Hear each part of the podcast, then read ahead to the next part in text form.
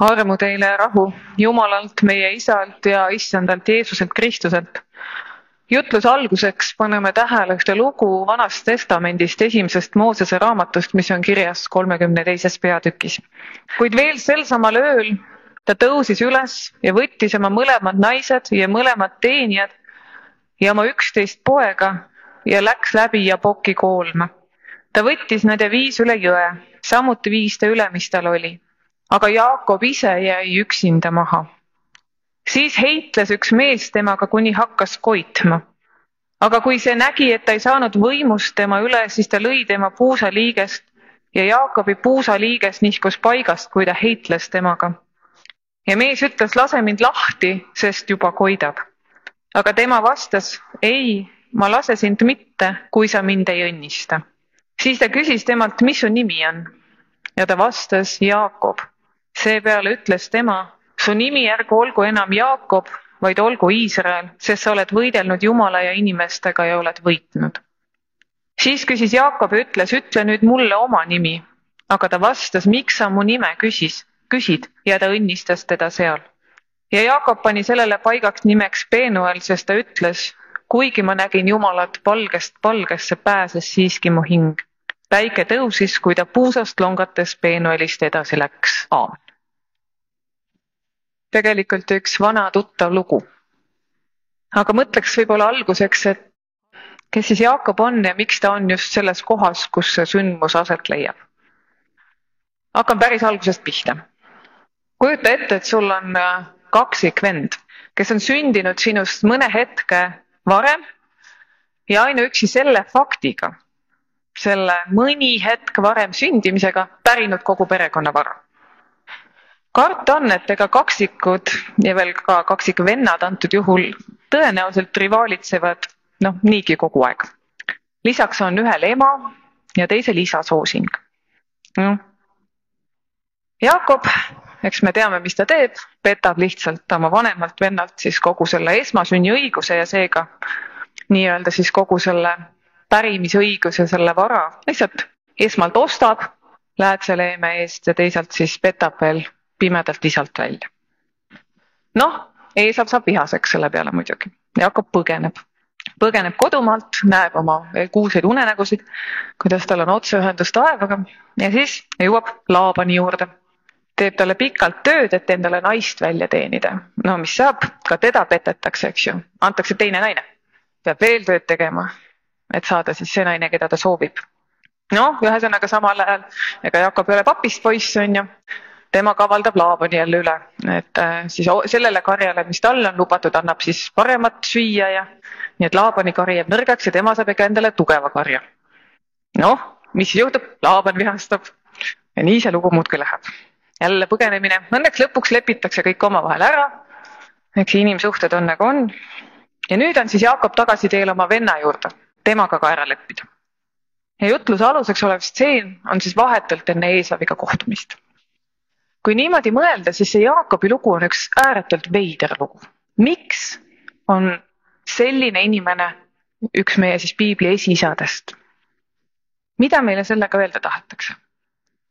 mul oli õnneks meeles, et Urmas Nõmmik on seda teemat natuke rohkem uurinud, et mul oli võimalus ka autoriteeti uurida, sest kui niisama mõelda, siis see lugu on lihtsalt veider. mõned küsimused, mis äh, õhku võiks siis püstitada. esimene küsimus, kellega ta siis võitleb? Meil on kõigil enam-vähem tõenäoliselt, ta ütleb siin ka, et ma olen äh, näinud Jumalat palgesse, palgesse ja siiski pääsenud mu hing, siit me nagu eeldame, et ta võitleb Jumalaga või siis ingliga, aga tegelikult seda siin välja ei öelda. on olnud ka kahtlustused, et äkki ta võitles Eesaviga. ei tea. siis see nimi Iisrael, et miks see, et sõna päraneb, pärineb äh, nimest Saara ja Jumala nimest El, et mingis mõttes selline seos nagu pärimusega. selle sõna tähendus on Jumal püüdleb, Jumal pingutab, nii et mingis mõttes nagu see seos, et Jumal pingutab selle oma Iisraeli rahva nimel. ja kolmas mõte, et mida tähendab võitlemine üleüldse selles kultuuris? üks viis, kuidas tõlgendada võitlemist eh, siis vanades Mesopotaamia kultuurides võis olla näiteks, et see on loomuliku korra tagamiseks. Et kui võitlus lõpeb harmooniliselt, sellised noh, jõukatsumine kahe poole pealt, kus kumbki just otseselt ei saa surma ega, ega hullusti vigastada, niisugune tsiviliseeritud jõukatsumine, noh nagu mingis mõttes no, nagu balansseerib seda ühiskonda ja, ja olemust, et kus me oleme, et, et kuidas, kuidas jõuvahekord on. teised lood, mis on päris levinud, ongi selline jõukatsumine siis või võitlus jumaliku ja inimliku vahel, mis sageli lõpeb õnnistuse palumisega sarnaseid lugusid äh, kohtab teistes sama aja tekstides veel ja küll. seega mingis mõttes me näeme, et see lugu põhjendab Iisraeli kui kuningriigi rolli. Jakob saab nimeks Jakob Iisrael ehk siis selle rahva ja riigi, tulevase siis riigi, tulevase kuningriigi nime. ja läbi selle, et ta on võidelnud nii-öelda siis jumalikuga, on ta saanud mingis mõttes nagu kuninga rolli, sest sageli olid just kuningad need, kes sellistes võitlustes olid ja ühtlasi on see rahu, korra ja harmoonia sümbol, mida ka kuningas peaks tagama, nii et mingis mõttes me võimegi öelda, et see lugu põhjendab seda, miks Iisrael, miks on kuningriik ja miks see on just, kuningriik on selle rahu ja korra tagamiseks. nagu öeldud, siis küsimus, kellega Jakob võitleb, on tegelikult segane. üks mõte on, et kuna tekstis korduvalt nimetatakse sellist, et noh, et kohe tuleb koit või kohe on valgus tulemas, siis on ka pakutud, et äkki ta võitles teemoniga, sest teemon saab võidelda ainult pimeduses. noh, selle vastu on väide, et kas teemon saab õnnistada, ei saa, noh, et selles mõttes. ja nagu ütlesin ennem, et üks mõte on, et võib-olla ta võitles tegelikult oma vennaga, Eesaviga. ja kui nii mõelda, siis ma jõudsin mõttele, et siis see võiks tähendada nagu sellist kolmandat korda tema rolli legitimiseerimist, et kõigepealt ta ostab läätseleeme eest oma, oma positsiooni, siis ta petab isalt õnnistuse välja ja lõpuks ta oma vend ka õnnistab ta sellesse Iisraeli esiisa rolli. ei tea, aga miks mitte nii mõelda. aga meie siin ja täna, mida see lugu meile täna annab? lihtsalt teadmine, et see on Iisraeli kuningriikluse ja rahu ja korra tagamise esiisa loo, esiisa lugu, siis mis see meile ütleb? Ei ole lihtne vastata. aga ehk aitab selle mõistmisele kaasa tänase pühapäeva nimetus reminiscere, mäleta, pea meeles. mulle assotsieerub see muidugi alati raamatuga kakskümmend aastat hiljem, kui sõna remember ütleb kuningas tapalavalt tapalava all olevale aatusele, aga see mõte ongi üpris sarnane. mäleta, pea meeles. mäleta ja pea meeles neid lugusid, mis on sind vorminud mis on kujundanud sinu ühiskondlikku arusaama ja mõistmist sellest. niisamuti nagu ilmselt eile me paljud meenutasime oma riigi, oma esivanemate lugusid. Neid lugusid, mis on meid vorminud. niisamuti mõjutavad meid mitmed lood, ka see lugu siin piiblis. kuidas me kristlust mõistame ja mõtestame. kui Jaakobi võitluslugu mõtestas juutide jaoks nende ajalugu, siis mis on see lugu, mis mõtestab sinu jaoks Eesti riigi lugu, kristluse lugu, sinu enda isiklikku lugu. mitmes vabariigi aastapäeva kõnes kõlas seesama üleskutse mäletada. muuhulgas rääkis sellest ka praost Luhamets Tähetorni juures. rääkida lugusid ajaloost, mõista, et vabadus ei ole iseenesestmõistetav, et sõda ei ole mitte midagi ilusat meil on vaja hoida meeles ja rääkida oma esivanemate lugusid ka siis, kui me kõigega nõus ei ole.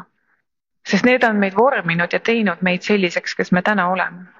ka need valusad lood, mis perekondi on kas liitnud või lahutanud. täna loome me ise järgmiseid lugusid. president Ilves kõneles oma ülikooli aktuse kõnes sellest, et üks ajastu hakkab lõppema. me oleme seljatanud heaolu ajast või astume uude mulle meenus, et Rein Taagepera on öelnud midagi sarnast. mis see meile toob, me ei tea. ajaloo etappe nimetatakse ju alati tagantjärele.